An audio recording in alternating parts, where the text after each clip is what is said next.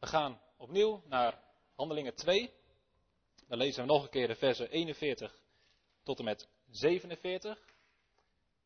En daarna gaan we weer een paar hoofdstukken doorbladeren. Hoofdstuk 5. En daarvan lezen we vers 1 tot en met 16. Dus eerst Handelingen 2, vers 41 tot en met 47.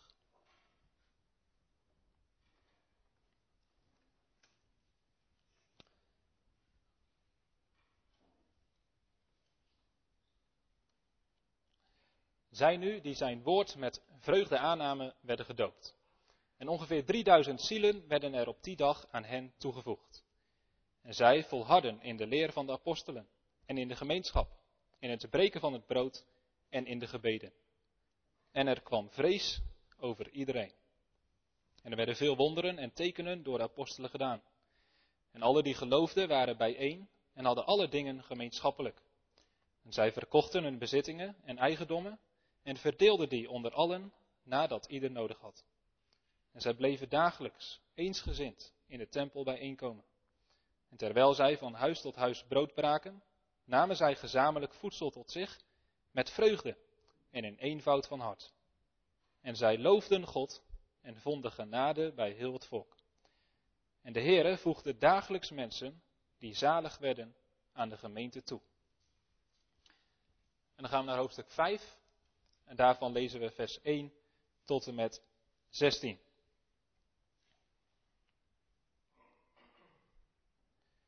En een zekere man van wie de naam Ananias was, verkocht samen met zijn vrouw Safira een eigendom. En hield een deel van de opbrengst achter, ook met medeweten van zijn vrouw. En hij bracht een bepaald gedeelte en legde dat aan de voeten van de apostelen. En Petrus zei, Ananias, waarom heeft de Satan uw hart vervuld, zodat u gelogen hebt tegen de Heilige Geest en een deel hebt achtergehouden van de opbrengst van het stuk grond? Als het onverkocht gebleven was, bleef het dan niet van u? En toen het verkocht was, bleef de opbrengst dan niet tot uw beschikking? Waarom toch hebt u deze daad in uw hart voorgenomen? U hebt niet tegen mensen gelogen, maar tegen God. Toen Ananias deze woorden hoorde, viel hij neer en gaf de geest. En er ontstond grote vrees bij allen die dit hoorden. En de jonge mannen stonden op, legden hem af, droegen hem naar buiten en begroeven hem. En het gebeurde na verloop van ongeveer drie uur dat ook zijn vrouw daar binnenkwam, zonder te weten wat er gebeurd was. En Petrus antwoordde haar, zeg mij, hebt u beiden het land voor zoveel verkocht? En zij zei, ja, voor zoveel. Petrus zei tegen haar, waarom toch hebt u met elkaar afgesproken de geest van de Heere te verzoeken? Zie de voeten van hen die uw man begraven hebben, zijn voor de deur, en zullen ook u uitdragen. En zij viel onmiddellijk voor zijn voeten neer en gaf de geest. En toen de jonge mannen binnengekomen waren, troffen zij haar dood aan. En ze droegen haar naar buiten en begroeven haar bij haar man. En er kwam grote vrees over heel de gemeente en over allen die dit hoorden. En er gebeurde door de handen van de apostelen veel tekenen en wonderen onder het volk. En ze waren allen eensgezind bijeen in de zuilengang van Salomo. En van de anderen durfde niemand zich daarbij hen aan te sluiten maar het volk had grote achting voor hen. En er werden er steeds meer toegevoegd die in de Heer geloofden, menigten van zowel mannen als vrouwen, zodat zij de zieken naar buiten droeg op de straten en hen op bedden en lichtmatten legden, opdat wanneer Petrus voorbij kwam, ook maar zijn schaduw op iemand van hen zou kunnen vallen. En ook de menigte uit de steden in de omgeving kwam gezamenlijk naar Jeruzalem. En bracht zieken en hen die door onreine geesten gekweld werden. En zij werden allen genezen. Tot zover onze schriftlezing. Als we nog even terugbladeren naar hoofdstuk 2. We gaan de woorden, de zinnetjes uh, vanavond behandelen die we nog niet hebben behandeld. En dat is allereerst een zinnetje uit vers 43. De eerste zin. En er kwam vrees over iedereen. En vervolgens kijken we nog naar de woorden van vers 47. Daar staat en zij loofde God. Dat hebben we vorige week zondagavond gezien. En dan staat er, en ze vonden genade bij heel het volk. En de Heere voegde dagelijks mensen die zalig werden aan de gemeente toe. Nou, ik heb het samengevat in twee woorden. Allereerst het imago van de eerste gemeente. En ten tweede de groei van de eerste gemeente. Dus eerst, uh, hoe stond die gemeente bekend bij de ongelovigen? Het imago. En ten tweede, hoe groeide die eerste gemeente? En in de preek uh, beginnen we dicht bij huis. Dus we beginnen eerst met het imago en de groei van de kerk vandaag de dag. In Nederland en wereldwijd. En als we daarover hebben nagedacht, dan gaan we terug naar Handelingen 2 en kijken we naar hoe was het bij deze gemeente? Hoe stonden zij bekend en hoe groeide deze gemeente? Hoe kijken Nederlanders over het algemeen naar de kerk? Wat voor imago heeft de kerk vandaag de dag in Nederland? Wie denkt positief? Mag je hand opsteken? Wie denkt vooral negatief? Jullie durven dus wel je hand op te steken.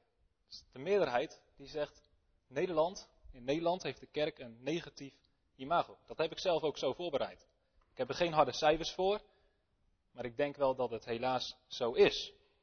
Sommige mensen, omdat ze wel met de kerk zijn opgegroeid, maar daar negatieve ervaringen mee hebben opgedaan.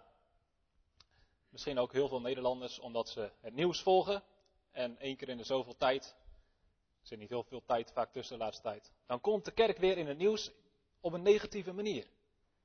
En als je dan de reacties een beetje leest, dan voel je wel aan waar de irritaties en de ergernissen zitten van de Nederlanders bij de kerk. De kerk is achterhaald. De kerk is te weinig meegegaan met de tijd. De mensen in de kerk zijn bekrompen. Er zijn veel te veel wetten en regels in de kerk. In de kerk zijn de mensen exclusief. Anti-vrouwen, anti-homo's. Er worden zelfs kinderen misbruikt in de kerk. En de kerk is irrelevant, want er worden antwoorden gegeven op vragen die mensen helemaal niet hebben. En de vragen die mensen wel hebben, die vragen worden niet beantwoord. Ik heb lang niet alles gezegd, maar ik denk dat dit dingen zijn die veel Nederlanders teruggeven. Als je hen vraagt, hoe denken jullie over de kerk? In de ogen van veel Nederlanders zijn er veel dingen in de kerk die onacceptabel zijn en die onzinnig zijn. Nou, dat kunnen wij niet allemaal oplossen hier in Werkhoven. Toch? Maar hoe kijken de inwoners van Werkhoven nou naar deze gemeente? Positief of negatief? Zou ik het durven te vragen? Jawel. Wie zegt positief? Mooi. Wie zegt misschien een beetje negatief? Nou, jullie houden van je gemeente. Ik ook. Ja. Dit is wel echt heel belangrijk. Ik merk dat in gesprekken, ook zeker met mensen in de rand, of die helemaal niet naar de kerk gaan. Hoe sterker aversie mensen hebben tegen de kerk, hoe minder ze bereid zijn om te luisteren naar de Bijbel, naar het Evangelie. Op een of andere manier heeft de gedachte die mensen hebben over de kerk heel veel te maken met welke gedachten ze hebben over God. Dat hoeft absoluut niet hetzelfde te zijn, maar voor mensen werkt dat vaak wel zo. En wat we vanavond ook zullen zien, dat hoe de kerk bekend staat ook te maken heeft met de groei van de kerk. Nou, je zou kunnen zeggen, als dat zo belangrijk is, dan moeten we gewoon een enquête maken. We maken een enquête en die verspreiden we langs alle dorpsgenoten. En dan vragen we ze in te vullen wat ze waarderen aan de kerk en wat ze misschien irritant vinden aan de kerk. En dan kunnen ze ook nog een soort tips geven van wat we beter kunnen doen. Dan zullen er misschien in die enquête ook van die dingen genoemd worden die ik net heb gezegd, waar Nederlanders zich over het algemeen aan storen aan de kerk. En dan kunnen we gaan veranderen. Dan gaan we beleidsplan herschrijven. Dat willen we toch gaan doen. Dus dat komt mooi uit. En uh, ja, dan kunnen we kijken van wat voor aanpassing kunnen we doen. Kunnen we een beetje moderniseren. Dat we meer meegaan met de tijd. Dat we iets minder exclusief zijn, maar juist heel inclusief. Dat we het gevoel hebben dat we absoluut in deze cultuur passen als kerk. Iedereen is welkom. Alles mag, zeker op het gebied van seksualiteit, behalve kindermisbruik. Nou, dan kunnen we op basis van het beantwoorden van hun vragen en de aanpassingen proberen dat wij in de ogen van de gemiddelde dorpsgenoot weer acceptabel en zinnig zijn. Nou, er zijn best veel kerken die dit spoor zijn gegaan. De kerkverlating en de secularisatie spelen al een aantal decennia, al heel wat jaren. En er zijn genoeg kerken geweest die hebben gezegd: wij gaan dit proberen. We zien mensen afhaken, we zien dat mensen zich afzetten tegen de kerk. We gaan proberen de kerk te veranderen. We gaan moderniseren. Nou, we kunnen naar die gemeente kijken en dan kijken wat het resultaat is. Heeft het gewerkt? Nou, ik ken lang niet alle gemeentes, maar voorbeelden die ik weet, dan weet ik dat het niet heeft gewerkt. Omdat de mensen buiten de kerk niet binnen de kerk werden gebracht en de mensen binnen de kerk alleen maar verder vervreemden van God. De moderne kerk werd een lege kerk. De moderne kerk werd een museum, een kunstentoonstelling of soms werden er appartementen van gemaakt. Nou, ik geloof niet dat dat de weg is. Maar wat is dan wel de weg? We kunnen ook zeggen, we moeten gewoon accepteren dat de rol van de kerk zo een beetje is uitgedaan in onze cultuur, in onze tijd. En we wachten gewoon tot de laatste het licht uitdoet in de kerk. Dat hebben ze ook wel eens tegen mij gezegd. Oh, u wordt dominee, u bent nog jong, u bent dan misschien degene die als laatste het licht uit gaat doen. Nou, dat klinkt allemaal negatief, een beetje pessimistisch. Maar dit is nou eenmaal hoe de meeste Nederlanders buiten de kerk, maar soms ook binnen de kerk, over de toekomst van de kerk denken. Het is een afgelopen zaak. En dat is ook niet zo gek als we kijken naar de statistieken, naar de cijfers die weergeven hoe de kerk zich in de laatste jaren heeft ontwikkeld. Tot op het heden krimpt de kerk in Nederland. Neemt de betrokkenheid van Nederlanders af op het christelijk geloof. Ik, uh, ik weet niet hoe up-to-date deze getallen zijn. Dit is een artikel, een onderzoek van drie jaar geleden. Daar stond dat in Nederland ongeveer 267 leden dagelijks de kerk verlaten. Dat de kerk dagelijks 267 leden verliest door sterven. Nou, als dat lang genoeg doorgaat, dan is het wachten op het einde. Of is er hoop? Nou, in datzelfde jaar, 2018, werd er een artikel ook geplaatst over kerkverlating. En er stond dat er juist wel groei is bij de migrantenkerk in Nederland. De kerk die ontstaat door mensen die komen uit andere nationaliteiten. Die groeien keihard. En ook bleek uit dat onderzoek dat jongeren vaak gemotiveerder zijn. Orthodoxer. Meer toegewijd. Dus er is een deel wat afhaakt, maar degenen die blijven, die zijn juist veel bewuster van hun geloof. En willen er veel meer voor gaan. Maar staat er ook, dat weegt niet op tegen de tempo waarin de mensen afhaken.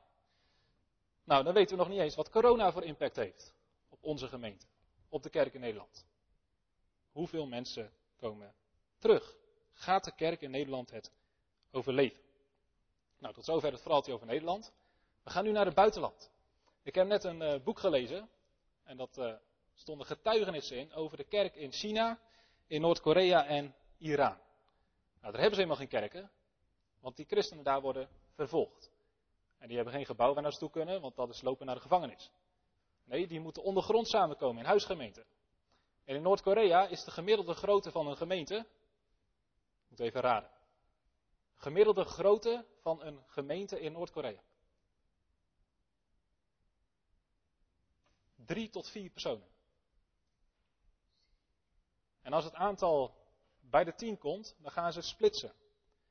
Want als er één iemand uit die groep wordt opgepakt, dan betekent dat niet alleen dat waarschijnlijk heel die gemeente wordt opgepakt, maar ook de ouders, de broertjes en zusjes, de ooms en tantes, de opa en oma's. Drie generaties die worden opgepakt omdat één, christ, één persoon christen is. En die worden allemaal afgevoerd naar het kamp. Dus die christenen die proberen klein te blijven om dat te voorkomen. In landen waar er vervolging is, wordt er niet uh, worden er geen ledenregisters bijgehouden. Er zijn geen statistieken. Dus er moet gedaan worden op basis van schattingen. Maar één ding is zeker, volgens de getuigenissen van christenen uit die landen, de kerk groeit daar super hard. Ik zal een voorbeeld noemen, Iran. In dat boek staat, het is in Iraanse gemeenten normaal om veel nieuwe bekeerlingen te zien. Iraanse gelovigen verwachten dat elke week nieuwe mensen tot bekering komen. In sommige gevallen, wanneer ze samenkomsten hebben waar geen getuigenissen van een bekering zijn, onderzoeken ze wat ze verkeerd hebben gedaan, waardoor zij het werk van de Heer verhinderen. Deze groei gebeurde in de laatste dertig jaar en velen zeggen op basis van voorzichtige schattingen dat het aantal gelovigen die onderdeel zijn van de Iraanse huisgemeente boven de 1 miljoen komt. Van enkele duizenden mensen is in 30 jaar tijd de kerk daar gegroeid naar meer dan 1 miljoen gelovigen. En ik hoorde een uh, interview met een voorganger uit Iran. Het was een andere bron. En die zegt dat er zelfs 4 miljoen moslims christenen zijn geworden. In de laatste paar tientallen jaren. Nou, Dat is zeer bemoedigend. En ook verbazingwekkend. Hoe kan het dat de kerk hier zo negatief bekend staat en zo ontzettend hard krimpt, terwijl in andere delen van de wereld de kerk ontzettend hard groeit en gewoon sprake is van een explosieve groei?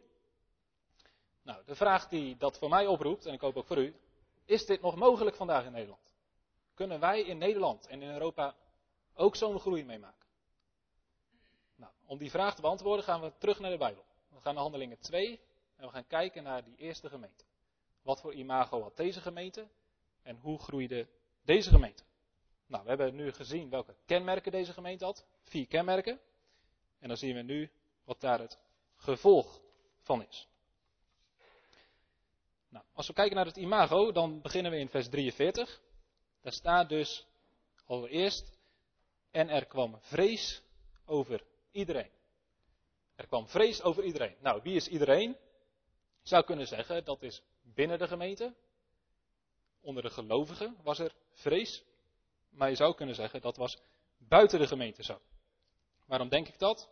Nou, eigenlijk hebben we bij al deze zinnetjes gezien dat ze later in het boek Handelingen verder worden uitgelegd. Al deze korte zinnetjes, die krijgen in het boek Handelingen later toelichting.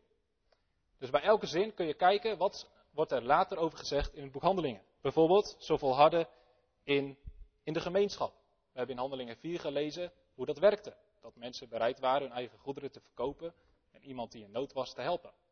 Eh, er staat dat ze volharden in het gebed. Dat hebben we ook in Handelingen 4 gezien. Hoe de gemeente samenkomt als Paulus uh, of Petrus en Johannes voor de grote raad zijn geweest. Ze komen bij elkaar om te volharden in het gebed.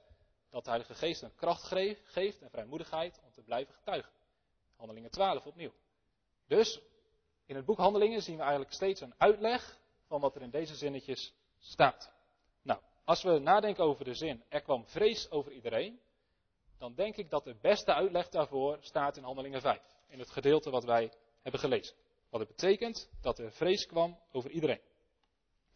Nou, Handelingen 5, dat is die hele heftige gebeurtenis van Ananias en Safira. Ze hebben gelogen tegen de gemeente, tegen mensen, maar wordt hier duidelijk, ze hebben uiteindelijk gelogen tegen God zelf, tegen de Heilige Geest. Ze hebben een akker verkocht en ze deden alsof ze heel de opbrengst aan de armen gaven, maar in werkelijkheid hadden ze een deel apart gehouden voor zichzelf. Dat was liegen. En Petrus die weet door de Heilige Geest dat ze dat doen. En hij bestraft Ananias maar met dat Petrus dat doet, staat er in vers 5, toen Ananias deze woorden hoorde, viel hij neer en gaf de geest. Ananias krijgt de doodstraf. Hij sterft, omdat hij deze zonde heeft gedaan. En dan staat er, en er ontstond grote vrees bij allen die dit hoorden. Dus dit is een voorbeeld van die vrees, er kwam vrees over iedereen. Nou, die vrees die wordt nog groter, want nadat Ananias is geweest, komt ook zijn vrouw Safira. En ze weet niet wat er met haar man is gebeurd. En Petrus die vraagt haar uh, om haar een kans te geven wel de waarheid te spreken. In vers 8. Zeg mij, hebt u beiden het land voor zoveel verkocht? Of Safira kan gewoon zeggen, nee, we hebben een deel achtergehouden. Maar ze liegt en ze zegt ja, voor zoveel. En dan bestraft Petrus haar opnieuw in vers 9. En dan staat er in vers 10, en zij viel onmiddellijk voor zijn voeten neer en gaf de geest. Ook Safira krijgt de doodstraf. Nou, en dan staat er in vers 11. En er kwam grote vrees over heel de gemeente en over allen die dit hoorden. Nou, dit kunt u zich voorstellen, toch? Als er iemand uit onze gemeente een zonde zou doen, en die zou gelijk sterven en begraven worden. En er zou nog iemand, die zou ook die zonde doen, die zou ook gelijk sterven. Wow. Dan komt de vrees. Toch? Dat is logisch. Nou, dan kunnen we ons afvragen, waarom gebeurde dit? Is dit niet een beetje heftig? Een hele sterke, erge straf. Waarom straft God zo hard? Nou, doet mij denken aan vergelijkbare momenten in de Bijbel, waar God ook straft. Ik denk aan de geschiedenis van Nadab en Abihu. Dat waren de zonen van Aaron. Aaron mocht hoge priester zijn. Samen met zijn zonen dienen in de tempel. En we lezen dan in uh, Leviticus 8 dat ze uh, worden bevestigd. Intreden doen zou je kunnen zeggen. Nee, dan worden ze bevestigd. En Leviticus 10, dan doen ze intreden. Ik ben vandaag bij een bevestiging intredendienst geweest. Bij de bevestigingsdienst, dan word je ingezegend. Dan mag je het ambt dragen. Bij de intredendienst, dan ga je voor het eerst die rol ook vervullen. In Leviticus 10 worden ze bevestigd tot het ambt van priester. En in Leviticus 10 mogen ze het gaan uitoefenen. Maar dan staat er dat ze het verkeerd doen. Ze nemen vreemd vuur mee voor het aangezicht van God. God had heel duidelijk gezegd, zo wil ik gediend worden. Op deze manier moeten jullie mij offers brengen. Maar ze deden het op hun eigen manier. En dan staat er in uh, hoofdstuk 10, toen ging een vuur uit van het aangezicht van de Heer en verteerde hen, zodat zij stierven. Ik denk ook aan het verhaal van de ark. De ark was weggevoerd naar de Filistijnen, was teruggekomen in Israël, maar was niet teruggebracht naar Jeruzalem. En David zegt op een gegeven moment, ik wil dat de ark weer terugkomt op de plek waar God woont. En wat doen ze? Ze maken een prachtige wagen, een nieuwe wagen. En ze vertrekken bij het huis van Abinadab, waar de ark tot die tijd was geweest. En er staat er dat de runderen die die ark trekken, struikelen. Die wagen die begint te wiebelen. En de ark begint te schuiven. En dan Uzza, die loopt erbij en die is bang dat de ark valt. Dus wat doet hij? Hij pakt die ark om hem tegen te houden. En dan staat er, toen ontbrandde de toorn van de Heer tegen Uzza. En God strafte hem daar om deze onbedachtzaamheid. En hij stierf daar, bij de ark van God. Vergelijkbare momenten, waar God zijn heiligheid toont. Waar God duidelijk maakt dat hij de zonde haat en straft. Dat doet God niet altijd op dezelfde manier en even snel. We hebben vorige week gedankt en geloofd met Psalm 103. De Heer is barmhartig. Hij is langmoedig. Hij is groot van goede tierenheid. Hij vergeldt ons niet naar onze zonde. Zo is God van karakter. Maar toch zijn er momenten dat God wel de zonde direct straft. En dat hij gelijk duidelijk maakt dat hij heilig is. Waarom? Waarom doet God dat zo? Nou, ik denk dat wij allemaal als mensen de neiging hebben om de zonde te relativeren. Om de zonde niet zo serieus te nemen. Wij hebben weinig besef van onszelf hoe heilig God werkelijk is. En we tolereren de zonde makkelijk.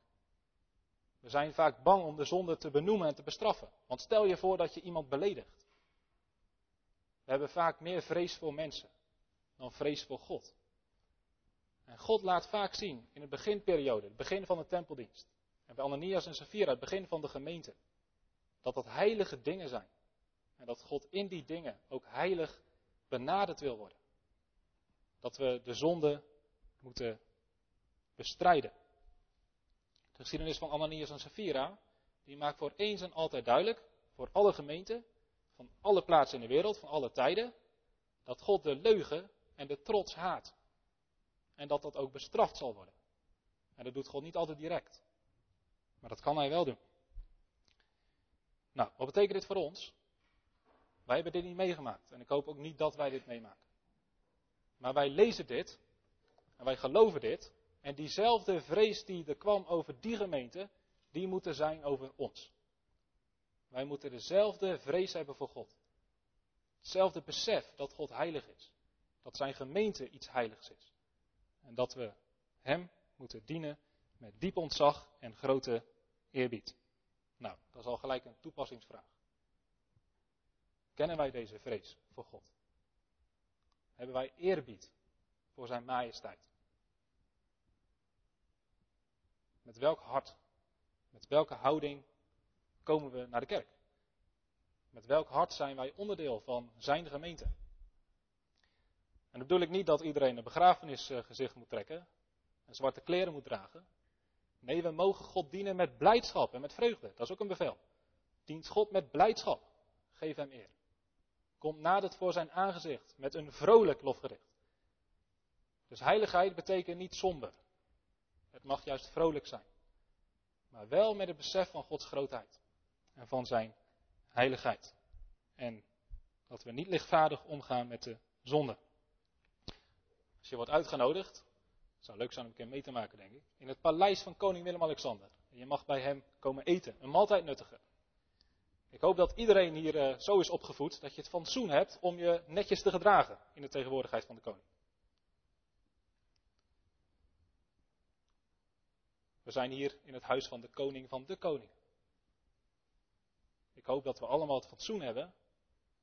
Dat we beseffen dat we hem op een gepaste manier moeten dienen en eren.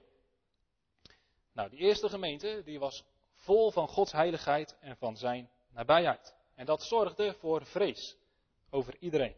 In de gemeente en buiten de gemeente. Nou, wat voor effect had dat op die mensen buiten de gemeente? Die mensen die waren dus onder de indruk van Gods heiligheid, van zijn majesteit. Wat voor resultaat had dat?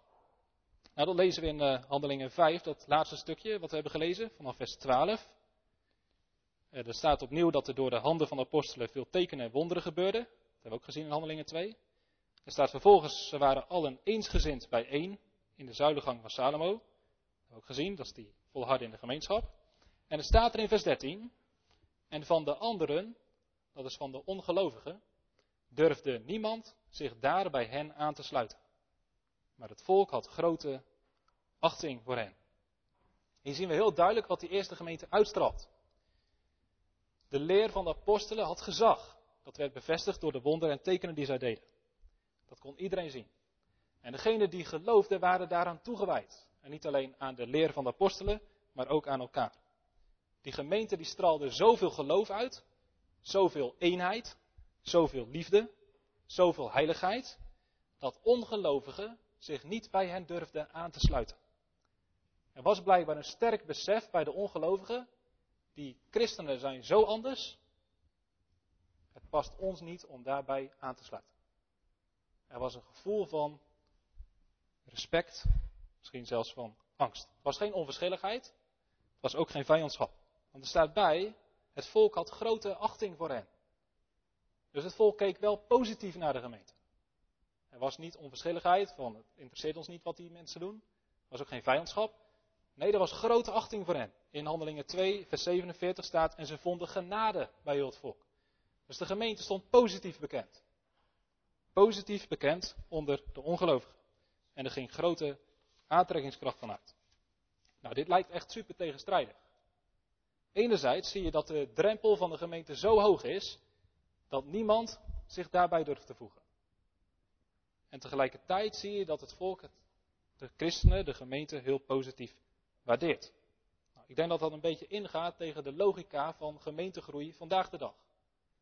Als wij vandaag de dag vaak nadenken over hoe kun je een kerk laten groeien, een gemeente, dan denken we vaak hoe we de drempel zo laag mogelijk kunnen maken. Hoe we ervoor kunnen zorgen dat mensen zich zo prettig mogelijk voelen binnen de gemeente. Wij passen ons maximaal aan aan de wereld, zodat de wereld zich thuis voelt bij ons.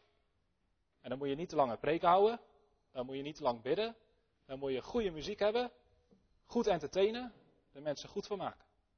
En dan heb je een kans dat de mensen de drempel laag genoeg vinden om toch naar binnen te komen.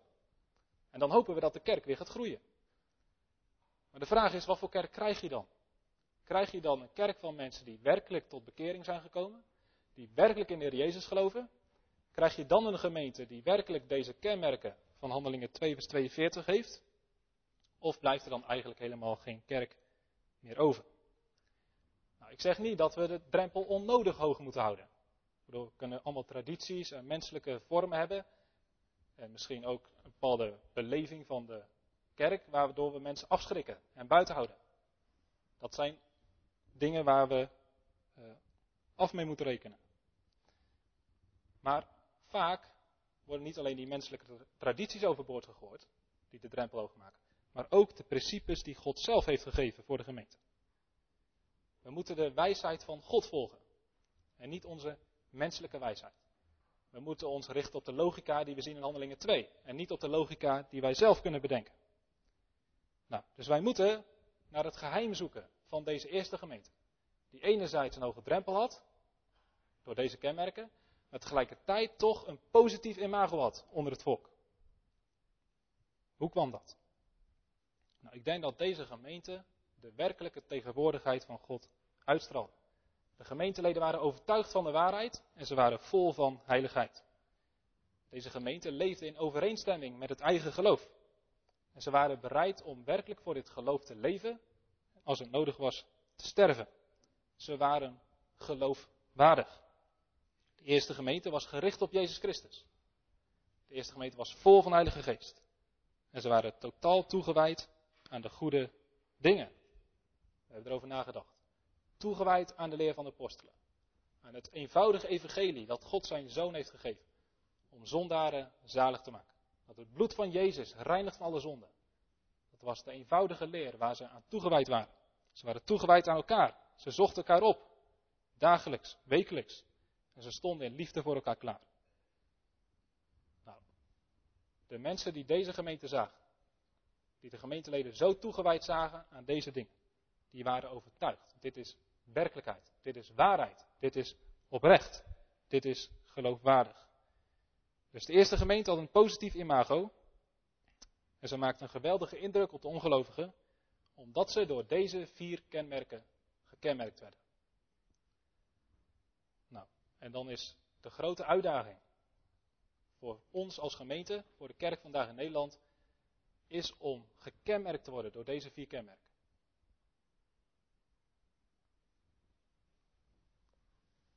Als ik die uh, getuigenissen lees over die kerk in China en Noord-Korea en Iran, en ik ben nu een boek aan het lezen over de kerk in India, al die gemeenten die zo hard groeien, die worden allemaal gekenmerkt door deze dingen. Het zijn stuk voor stuk christenen die zijn toegewijd aan de leer van de apostelen. Die zijn toegewijd aan het gebed. Die zijn toegewijd aan de gemeenschap. In China stond er dat de gemeenteleden een preek van vier uur niet zo lang vinden.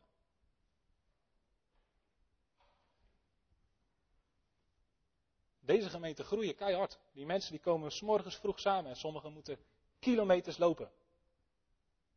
En ze gaan vroeg uit hun bed om op tijd bij de dienst te kunnen zijn. En die diensten duren hele dagen tot s'avonds laat. En soms gaan ze s'nachts ook nog door. En die gemeenten die exploderen, die groeien keihard. Ik denk dat die verhalen overeenkomen met wat we lezen in handelingen. De kerk in Nederland krimpt. Maar hoeveel gemeenten worden ook gekenmerkt door deze kenmerk? Ligt hier niet het probleem? En ook de oplossing? Nou zegt iemand, ik ben het daar misschien een klein beetje mee eens, maar het is best wel lastig. En hoe, hoe kan dat dan? Het probleem zien is één en het oplossen is twee. Hoe kunnen wij als gemeenteleden, als christenen in Nederland, datzelfde vuur weer krijgen, diezelfde toewijding? En dat hoeft niet precies op dezelfde manier geuit te worden, maar waar is onze honger naar God? En hoe kunnen we die terugkrijgen als we die missen? Het antwoord is Jezus Christus. Deze gemeenteleden, die wisten wie Jezus was. En die geloofden in hem. En als je werkelijk in Jezus gelooft, dan gaat Hij je veranderen. En hoe dichter je bij Jezus leeft, hoe groter je honger naar God wordt. Hoe sterker je verlangen wordt naar het woord. Hoe sterker je verlangen wordt naar de ontmoeting met andere gelovigen. Hoe krachtiger je gebedsleven wordt.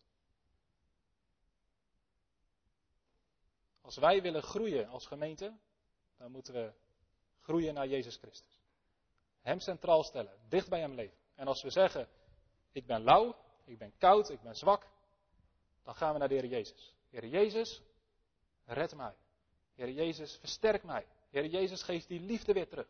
Heer Jezus, geeft dat vuur terug. Heer Jezus, geeft mij honger. En dat doet Heer Jezus. Als wij ons hart voor Hem openen en Hem in ons leven laten werken, in de gemeente laten werken, dan is er verandering mogelijk.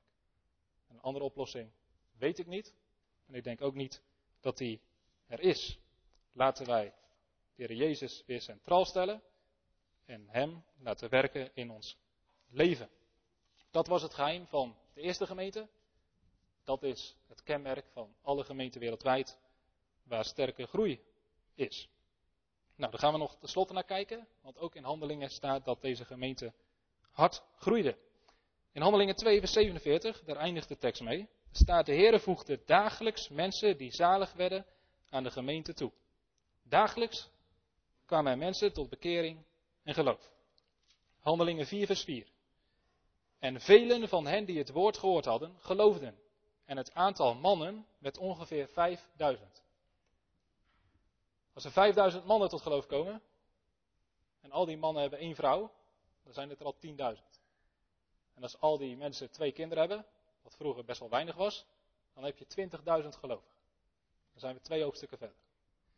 En dan uh, Handelingen 5 vers 14, dat hebben we al gelezen. Er werden er steeds meer toegevoegd die in de Heer geloofden. Menigten van zowel mannen als vrouwen. Dan Handelingen 6 vers 7. Het woord van God verbreidde zich en het aantal discipelen in Jeruzalem nam sterk toe. En een grote menigte priesters werd aan het geloof gehoorzaam. Dan zijn we nog maar in hoofdstuk 6. Hoeveel gelovigen zouden hier zijn? Nou, laten we zeggen 25.000. En dat is een verre onderschatting, denk ik. Dat betekent dat deze gemeente, nou, misschien binnen enkele maanden, misschien binnen een jaar, groeide van een groepje gelovigen van 120 discipelen naar 25.000. Dat gaat niet in deze kerk passen. Toch? Het is ongelooflijk wat hier gebeurt.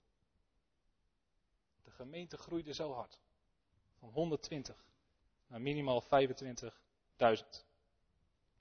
Nou, wat ik in deze preek een beetje heb gedaan, en dat is niet voor niks, hoop ik, maar het is ook een beetje eenzijdig. Ik heb de nadruk heel erg gelegd op onze rol als gelovigen. En de verantwoordelijkheid die wij hebben als gemeente. Wij kunnen als gemeente een kanaal zijn waardoor God werkt. Maar we kunnen ook een barrière, een muur zijn. Die Gods werk tegenhouden. Als wij een gemeente zijn zoals God het wil, dan zijn we een kanaal. Een middel, een krachtig middel wat God gebruikt om ongelovigen te overtuigen van zijn bestaan. En van de kracht van het evangelie. Als wij niet als gemeente zijn wie wij moeten zijn, dan maken we God ongeloofwaardig. En dan zorgen we ervoor dat mensen het evangelie ongeloofwaardig vinden. Ik hoop dat ik dat genoeg heb benadrukt. Maar wat hier staat, in de laatste woorden van hoofdstuk 2, is niet dat die gemeente zorgde voor de groei. Dat deze gemeente zo goed was dat de Heer krachtig kon werken. Nee, er staat, de Heer voegde dagelijks mensen die zalig werden aan de gemeente toe. De diepste reden waarom mensen gered worden, is niet omdat wij perfecte christenen zijn, of omdat wij een ideale gemeente vormen. Ja, uiteindelijk de enige werkelijke reden waarom mensen gered worden, is dat God mensen redt. Dat God mensen door zijn geest overtuigt van zonde. Dat God door zijn geest mensen het geloof in zijn zoon geeft. Hij zendt zijn geest met het woord, zodat mensen het eeuwige leven ontvangen. Nou, dat geeft hoop en dat geeft ook dank. Allereerst hoop.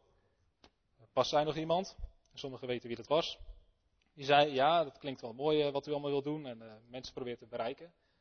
Maar zegt ze, pas dacht ik in één keer, ja, maar sommige mensen zitten er helemaal niet op te wachten. Toch? Kunnen alle mensen uitnodigen, maar stel je voor dat al die mensen een gezin hebben. En je wil met iemand het evangelie delen, maar die persoon heeft het wel zin.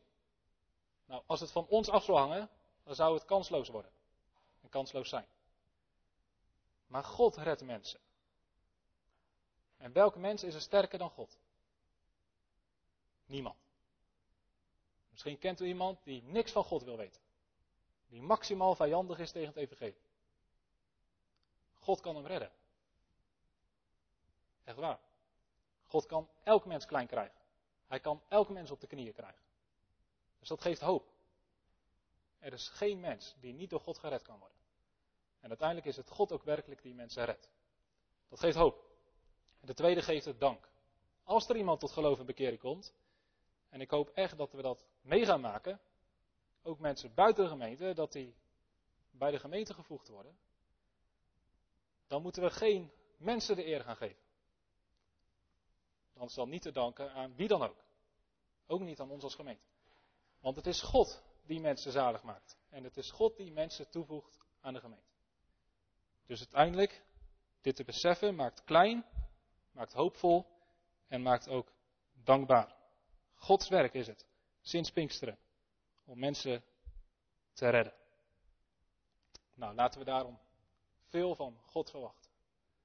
En hopen en bidden dat Hij door zijn geest in ons werkt, dat Hij ons als gemeente laat groeien, wil zuiveren, dat we meer en meer op deze eerste gemeente gaan lijken en dat God boven alles door zijn geest en door het evangelie mensen overtuigt van de zonde, brengt aan de voet van de Heer Jezus en uiteindelijk ook zal toevoegen aan onze gemeente. Amen.